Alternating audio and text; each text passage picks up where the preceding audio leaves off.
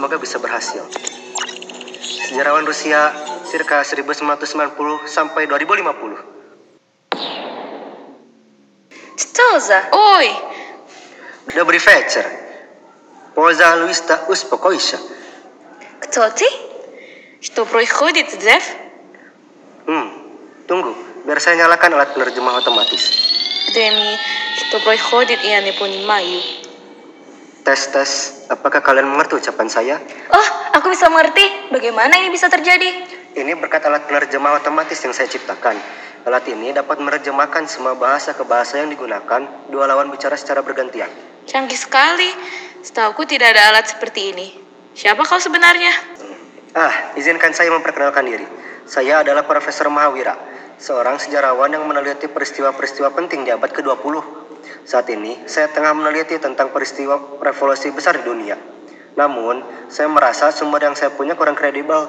Oleh karena itulah, saya menarik kalian dari masa lalu menggunakan mesin waktu. Agar saya dapat melakukan cross-check berdasarkan penelitianku. Kalian berdua, apakah se- adalah sejarawan di lini masa kalian kan? Tunggu, tunggu. Lini masa? Memangnya tahun berapa sekarang? Kini, kalian tengah berada di lini masa tahun 2178.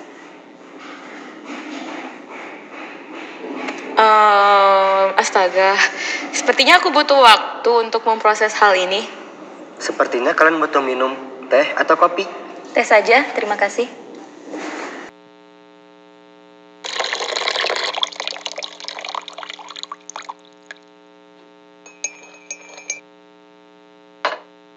Sementara kalian menenangkan diri, saya akan mengundang beberapa tamu lagi. Tamu, Ya, kali ini saya eh, saya mengundang sejarawan lama dari Indonesia untuk menceritakan tentang revolusi di negara mereka. Sejarawan sejarawan Indonesia circa 2010 sampai 2060. Ah, aduh. Uh, maaf atas pendaratan yang tak sempurna. Kalkulasi saya sedikit melenceng. oh, seperti itu kah ketika kita datang tadi, Sasha? Sepertinya begitu. Tempat apa ini? Siapa kalian? Saya adalah Profesor Mahawira, seorang profesor biokimia yang beralih profesi sebagai sejarawan yang meneliti peristiwa-peristiwa penting di abad ke-20. Saat ini, saya tengah meneliti tentang peristiwa revolusi besar di dunia. Namun, saya merasa sumber yang saya punya kurang kredibel. Oleh karena itulah, saya menarik kalian dari masa lalu menggunakan mesin waktu agar saya dapat melakukan cross-check. Sementara mereka adalah sejarawan asal Rusia yang akan menceritakan revolusi di negara mereka. Jangan bilang ini masa depan. Ini masa depan. Yang menjadi pertanyaanku, Profesor, kenapa kau perlu menarik sejarawan dari masa lalu ke lini masamu seperti ini? Bukannya kau bilang zamanmu lebih canggih ya? Memang, zaman saya segalanya lebih canggih. Namun, sebenarnya di era ini, semua negara di dunia terbagi menjadi tiga fraksi berbeda. Yang ada kini hanyalah fraksi Ipsilos, Mesis, dan Kamilos. Kami menamai hari pembagian itu Tu Simeo Campis. Sejarah sejarah sebelum itu telah dihapus dari publik. Sejarawan dari masing-masing negara juga menghilang. Karena itulah saya harus berganti profesi. Lalu saya beruntung saya berhasil mengamankan beberapa catatan rahasia tentang revolusi-revolusi penting di seluruh dunia sebelum Tosimeo Campis. Hanya saja kronologinya masih berantakan dan kebenarannya masih belum terbukti. Oleh karena itu, saya memutuskan untuk berta- bertanya pada para ahli dari lini masa yang dekat dengan saat kejadian. Baiklah, aku dan rekanku akan menceritakan kronologi revolusi Indonesia kepadamu. Terima kasih, saya sangat mengapresiasi bantuan kalian. Aku dan rekanku juga sepakat untuk menceritakan tentang kronologi revolusi Rusia tahun 1917 silam. Saya senang mendengarnya. Baiklah, sebelum kita memulai sesi storytelling ini, apa ada yang mau camilan?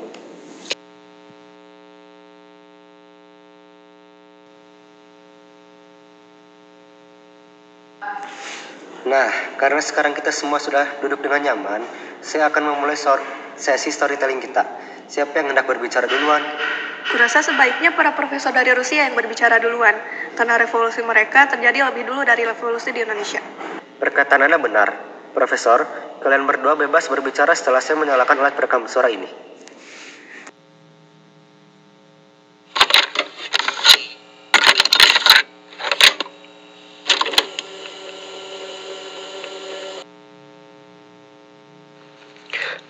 Revolusi Rusia tahun 1917 diceritakan oleh subjek dalam bidangnya secara lisan. Direkam pada hari Sabtu, 9 September 2178 oleh Profesor Mahawira. Peneliti silahkan dimulai. Baiklah kalau begitu. Perkenalkan, namaku Evgenia. Ini rekanku Alexandra. Kami berdua adalah profesor di Lomonosov Moscow State University dengan gelar doktor di jurusan sejarah. Kami berasal dari tahun 2030. Ya, setidaknya tahun itulah yang tengah kami tempuh sebelum Profesor Mahawira menyeret kami ke sini. Sebelum kita berdua membahas tentang peristiwa revolusi besar Rusia yang puncaknya terjadi di tahun 1917, kita harus menceritakan awal mulanya. Sejak dulu, Rusia menggunakan sistem monarki sebagai sistem pemerintahan. Para raja maupun ratu saat itu dijuluki Tsar atau Sarina. Kakek dari Tsar terakhir, Alexander II, merupakan sosok yang dijuluki The Great Reformer, karena ia selalu berusaha membawa perubahan. Ketika tahta diturunkan kepada anaknya, Alexander III, ia mendapat julukan The Great Oppressor karena ia terkenal sering membungkam protes yang ditujukan kepadanya. Namun, semuanya berubah di bawah kepemimpinan Tsar Nicholas II. Tsar Nicholas II pertama kali naik tahta pada 1 November 1894. Di bawah kepemimpinannya, banyak rakyat yang merasa tidak senang – di masa ini terjadi krisis ekonomi akibat kekalahan Rusia di perang melawan Jepang yang menyengsarakan rakyat kecil. Namun, para kaum elit justru berfoya-foya dengan gaya hidup berlebihan. Hal ini menyebabkan terjadinya kesenjangan sosial antara rakyat kecil dengan kaum elit. Kemudian pada tahun 1898 muncul Partai Sosial Demokrat yang didirikan oleh George Plekhanov yang kemudian terpecah menjadi dua fraksi pada tahun 1903. Fraksi tersebut yaitu Menshevik yang beraliran sosialis yang dipimpin Plekhanov dan fraksi Bolshevik beraliran komunis yang dipimpin Vladimir Lenin. Lenin sendiri kemudian diasingkan ke Siberia. Adanya dua fraksi partai inilah yang menjadi cikal bakal munculnya pemberontakan.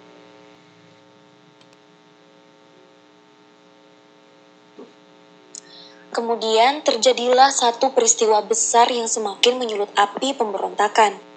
Peristiwa itu adalah Bloody Sunday atau dikenal dengan Minggu Berdarah yang terjadi pada tahun 1905.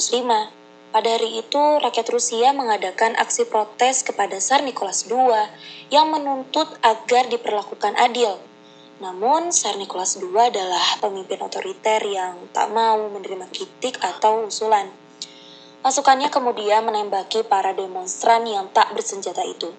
Akibatnya, ribuan orang tewas dan mengalami luka-luka.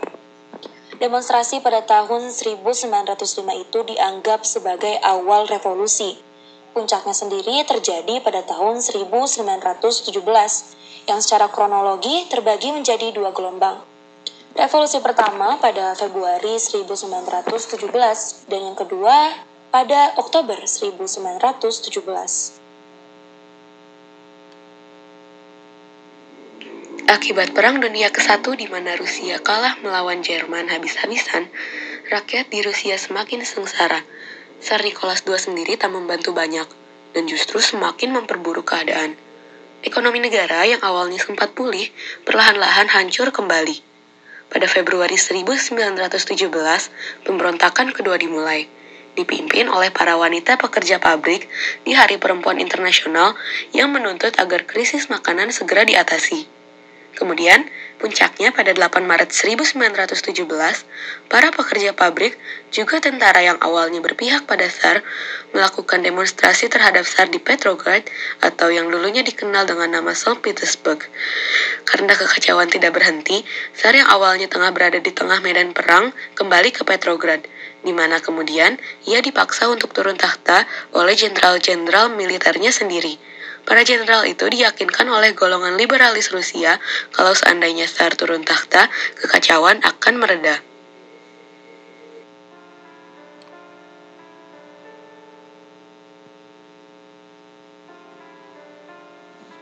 Walaupun Tsar Nicholas II sudah turun tahta dan dua pemerintahan baru sudah didirikan, keadaan tidak begitu membaik karena Rusia masih berperang dengan negara-negara di Eropa. Salah satu musuh Rusia, Jerman, kemudian melancarkan suatu aksi untuk semakin memperlemah Rusia, yaitu dengan membebaskan Lenin dari pengasingannya dan mengembalikannya ke Petrograd. Rencana ini bertujuan agar Lenin bisa menjadi masalah bagi pemerintahan baru di Rusia dengan ideologinya yang berkontradiksi. Dan benar saja, pada 4 April 1917, Lenin meluncurkan tesis Aprilnya yang mengkritik kedua pemerintahan baru Rusia yang dianggap borjuis.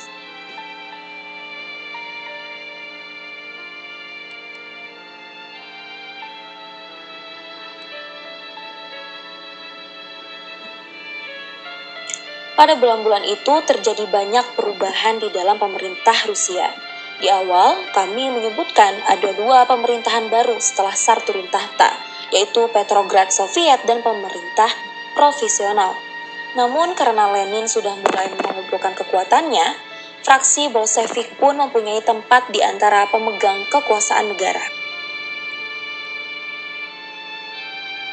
Perebutan kekuasaan dari fraksi masing-masing terus berlanjut hukuman mati kembali dilakukan.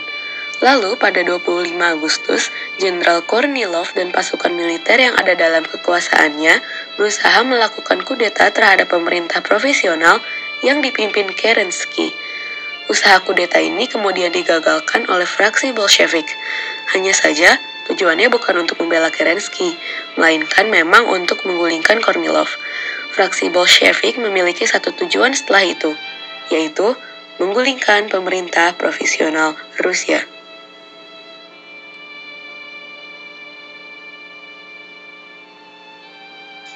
Fraksi Bolshevik mengumumkan akan ada perlawanan bersenjata pada 10 Oktober. Mereka bersama dengan Leon Trotsky sebagai pemimpin Petrograd Soviet membuat komite untuk melawan pemerintahan profesional.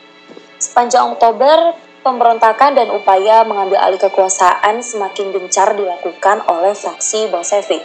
Puncaknya pada tanggal 25 Oktober, Lenin dan fraksi Bolshevik berhasil mengambil alih kekuasaan dan tengah mempersiapkan pemerintahan Soviet. Usai kemenangan di Petrograd, pasukan merah Bolshevik berhasil mengambil alih Moskow pada 3 November 1917. Pada 10 November, pemerintah yang baru dibentuk itu menghapus semua jabatan dan hak istimewa aristokrat. Seterusnya, Lenin berupaya keras membentuk aturan pada pemerintahan barunya dengan ideologi yang baru pula. Barulah pada 8 Maret 1918, fraksi Bolshevik mengganti nama mereka menjadi All Russian Communist Party.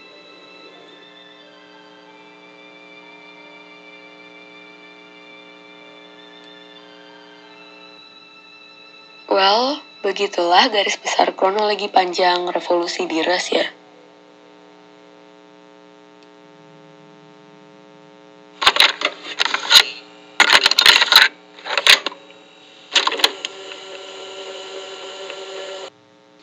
Wah, aku tak menyadari perjalanan revolusi di Rusia sangatlah rumit dan panjang. Dari perubahan ideologi, sistem pemerintahan, kalian mengalami amat banyak hal ya. Ya, memang saat revolusi terjadi, baik diriku maupun Zenya memang belum ada di dunia ini. Namun, bahkan sampai generasi kami pun, kami masih merasakan dampak dari revolusi puluhan tahun yang lalu. Profesor Alexandra dan Profesor Evgenia, saya benar-benar berterima, berterima kasih karena sudah mau menceritakan revolusi yang terjadi di negara kalian pada zaman dahulu. Cerita kalian sangat berarti bagi penelitian saya Oh, santai saja. Kapan lagi aku mendapat kesempatan untuk bercerita kepada seseorang yang berasal dari generasi ratusan tahun setelahku? Sebelum kita beralih ke kisah revolusi di Indonesia, sepertinya kita perlu istirahat sejenak. Ada yang mau teh lagi? Mau. Nah.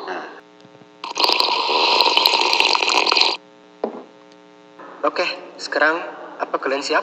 Siap.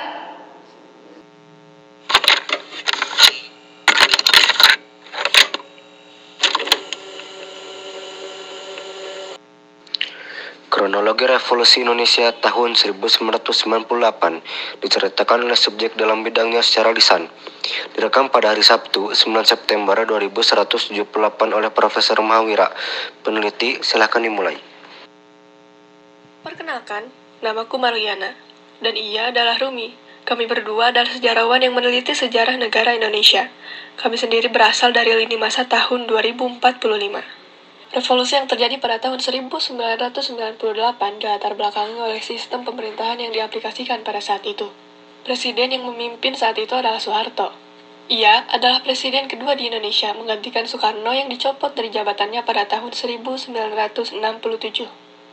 Saat itu, beliau dianggap tak mampu menyelesaikan masalah PKI beserta dampaknya di masyarakat luas. Makanya, Soeharto menjadi penggantinya. Soeharto sebagai presiden berusaha keras memperbaiki keadaan negara Indonesia. Beliau memfokuskan diri dalam pembangunan ekonomi negeri dan menjalin hubungan dengan negara lain. Di bidang politik, Soeharto melakukan depolitisasi politik. Depolitisasi politik sendiri artinya upaya untuk menghilangkan atau menghapuskan kegiatan politik. Kebijakan tersebut dilakukan sebagai usaha untuk menghilangkan partai politik berhaluan kiri atau komunis dan sosialis. Beliau juga melakukan penyederhanaan partai politik yang sebelumnya ada sembilan menjadi dua saja. Melalui sidang umum MPR pada tahun 1973, hal ini dilakukan untuk meningkatkan efisiensi serta efektivitas juga mempermudah pengendalian partai politik tersebut. Meski pertumbuhan angka makroekonomi semakin baik, ada ketidakpuasan yang muncul dari kebijakan yang ada. Hal itu dikarenakan pemerintah dianggap terlalu terfokus untuk menarik investor asing. Kesempatan untuk melakukan investasi besar pun hanya datang kepada orang-orang berada yang memiliki relasi ke pihak-pihak tertentu. Akibat muak dengan adanya korupsi, kolusi, dan nepotisme atau KKN, terjadi demonstrasi besar pada 15 Januari 1974 ketika Perdana Menteri Jepang datang berkunjung. Peristiwa ini berubah menjadi kerusuhan yang mengerikan karena menewaskan beberapa orang. Peristiwa ini akhirnya mendapatkan julukan Peristiwa Malari. Pemerintahan kemudian semakin otoriter. Belasan surat kabar ditutup dan para jurnalis ditahan tanpa adanya persidangan. Media didorong untuk melakukan sensor sendiri.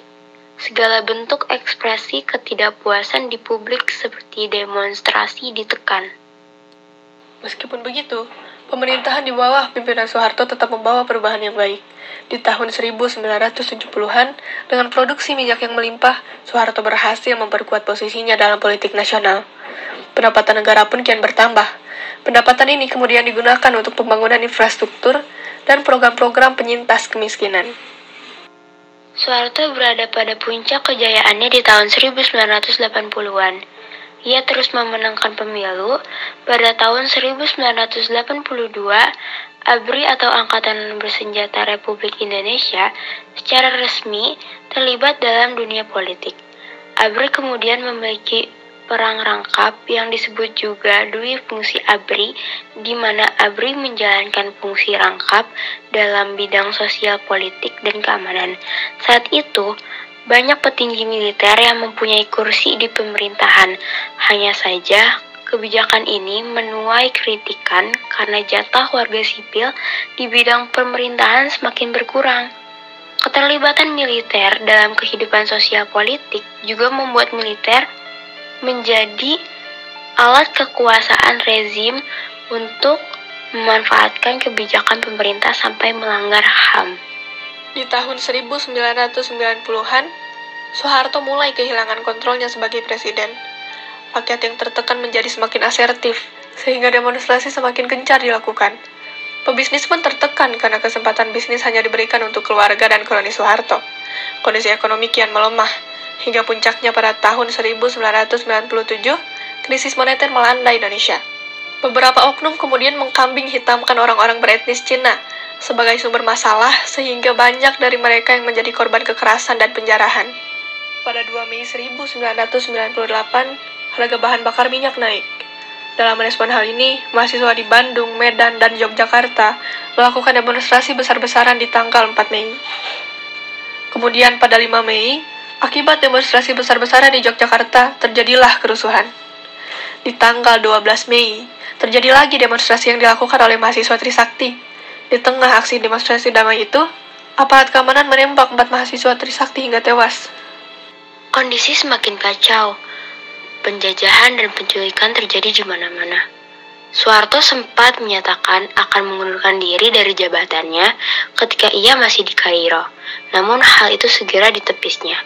Sementara itu, warga asing berbondong-bondong kembali ke negeri mereka karena suasana yang kian mencekam. Dari tanggal 18 Mei, mahasiswa terus mendesak agar Soeharto turun dari jabatannya.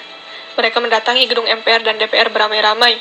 Hingga pada 20 Mei, 14 menteri anggota kabinet Soeharto menyatakan tak akan mau duduk dalam kabinet reformasi Batan Beliau yang dibuat untuk meredam desakan mundur. Hal ini sangat membuat Soeharto terpukul, karena orang-orang yang loyal padanya mulai membalikan badan mereka. Hingga akhirnya pada 21 Mei 1998, Soeharto menyatakan mengundurkan diri dari jabatannya sebagai Presiden Republik Indonesia di Istana Merdeka, Jakarta. Ia langsung digantikan oleh wakilnya, B.J. Habibie yang menjadi presiden ketiga. Dengan demikian, rezim Soeharto selama 32 tahun lamanya berakhir.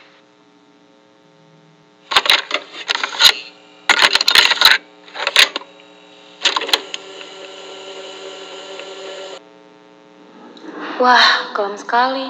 Profesor Margana dan Profesor Umi, terima kasih karena sudah menceritakan revolusi Indonesia pada tahun 1998.